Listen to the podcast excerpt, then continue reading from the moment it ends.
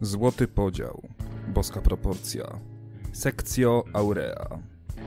Święty gral grafików, architektów i projektantów. Odkryta tysiąc lat temu idealna proporcja, gwarantująca niezapomniane wrażenie estetyczne.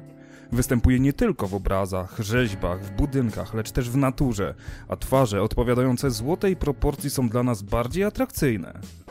Chwila, moment. Coś na pewno jest na rzeczy, ale co jest prawdą, a co mitem? Sprawdźmy. Po raz pierwszy w znanym nam piśmiennictwie złoty podział pojawia się w elementach Euklidesa 2300 lat temu. Oznacza podział odcinka na dwie części tak, by stosunek długości dłuższej z nich do krótszej był taki sam jak całego odcinka do części dłuższej. Wartość tej proporcji zwykle wyraża się jako liczba phi, przybliżona do 1,618, gdzie zaczyna się pierwszy problem. Phi jest liczbą niewymierną. Jak zauważa Keith Devlin, profesor matematyki ze Stanfordskiego Uniwersytetu, w rzeczywistym świecie możemy jedynie próbować się zbliżać do niej. Możemy się jej doszukiwać w proporcjach ekranu tabletu czy telewizora, jednak nigdzie nie jest określona wymagana dokładność, by nazwać daną proporcję złotą. Prowadzi to do interpretacji. Format telewizji 16 do 9 jest dość blisko złotego podziału, jednak proporcja ta wynika z charakteru pola widzenia człowieka. Doszukując się boskiej proporcji w pozostałościach architektonicznych po starożytnych cywilizacjach, margines błędu również mści się na badaczu. Błędy pomiarowe, erozja, zapadanie się budynków czy dryf kontynentów mogą istotnie wpłynąć na mierzone wartości, a z drugiej strony dość łatwo w dowolnym układzie odnaleźć dwa pomiary, które podzielone przez siebie dadzą 1,6 z hakiem, a przynajmniej mniej więcej tyle. Otwartym zostaje pytanie, co przyświecało architektom. Wiemy jednak, co przyświecało projektantom w późniejszych czasach. W 1509 roku naszej ery, spod pióra Franciszkanina znanego jako Luca Pacioli, wychodzi księga De Divina Proporzione ilustrowana przez Leonarda da Vinci. Mimo tytułu, sugerującego szczególne przywiązanie do złotego podziału, książka ta opisuje witruwiański system proporcji nazwany za rzymskim architektem z I wieku naszej ery oraz jego zastosowań w geometrii i sztuce wizualnej.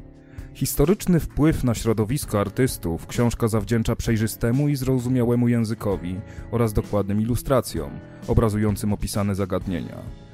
Jedno z najsłynniejszych dzieł Da Vinciego, Człowiek Witruwiański, wbrew powszechnej opinii nie zawiera ani jednego celowego nawiązania do złotej proporcji.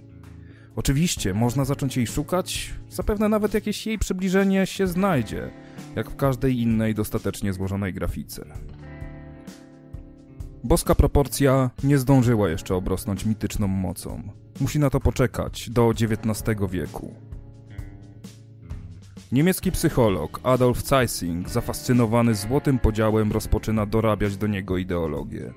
Jako pierwszy człowiek w historii nazywa ją uniwersalnym prawem – w którym zawarta jest podstawowa zasada każdego dążenia do piękna i spełnienia w działaniach przyrody i sztuki, zgodnie z którym działają wszystkie struktury, formy i proporcje, kosmiczne i osobne, organiczne i nieorganiczne, dźwiękowe i świetlne, ale które najpełniej realizują się w formie ludzkiej.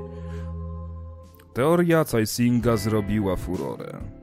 Pozwalała każdemu z linijką na doszukanie się złotej proporcji w absolutnie wszystkim wokół. Ciągle bez określenia dokładności, więc znaleziono liczne przykłady. Skąd takie zaangażowanie?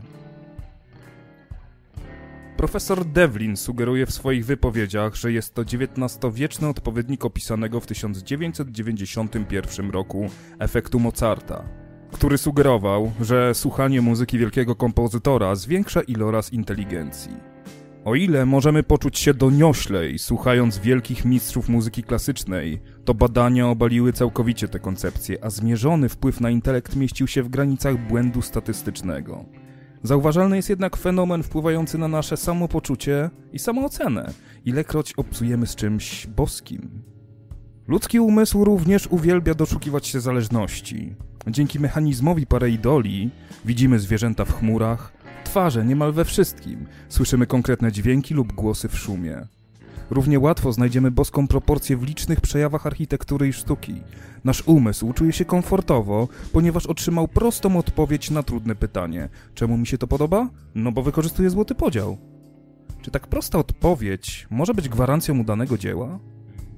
I o ile architekci praktycznym zastosowaniem swoich dzieł zmuszeni byli nadać wyższą wagę innym formułom matematycznym, które wpłyną na kubaturę obiektu, jego doświetlenie czy stabilność, to w sztuce wizualnej, gdzie względom estetycznym mało co może zagrozić, mit miał możliwość się ukorzenić przez ostatnie 150 lat i stać się swego rodzaju trendem we współczesnej sztuce. Czy złoty podział jest zatem zły? Nie. Jest często z sukcesami wykorzystywany przez współczesnych designerów. Nie zapominajmy, że w epoce renesansu był wskazywany jako użyteczne dla sztuk wizualnych matematyczne narzędzie. W dodatku wprowadza pewien rygor i wymusza konsekwentność na autorze, co z kolei objawia się bardziej spójnym dziełem. Jednak jeżeli będziemy dążyć do złotej proporcji za wszelką cenę, jeżeli będziemy ją traktować jako odpowiedź na pytanie o wszechświat, życie i całą resztę, to tak naprawdę będziemy powtarzać obsesję niemieckiego psychologa z XIX wieku, który sam uległ psychologicznemu mechanizmowi dopatrywania się wzorców za wszelką cenę.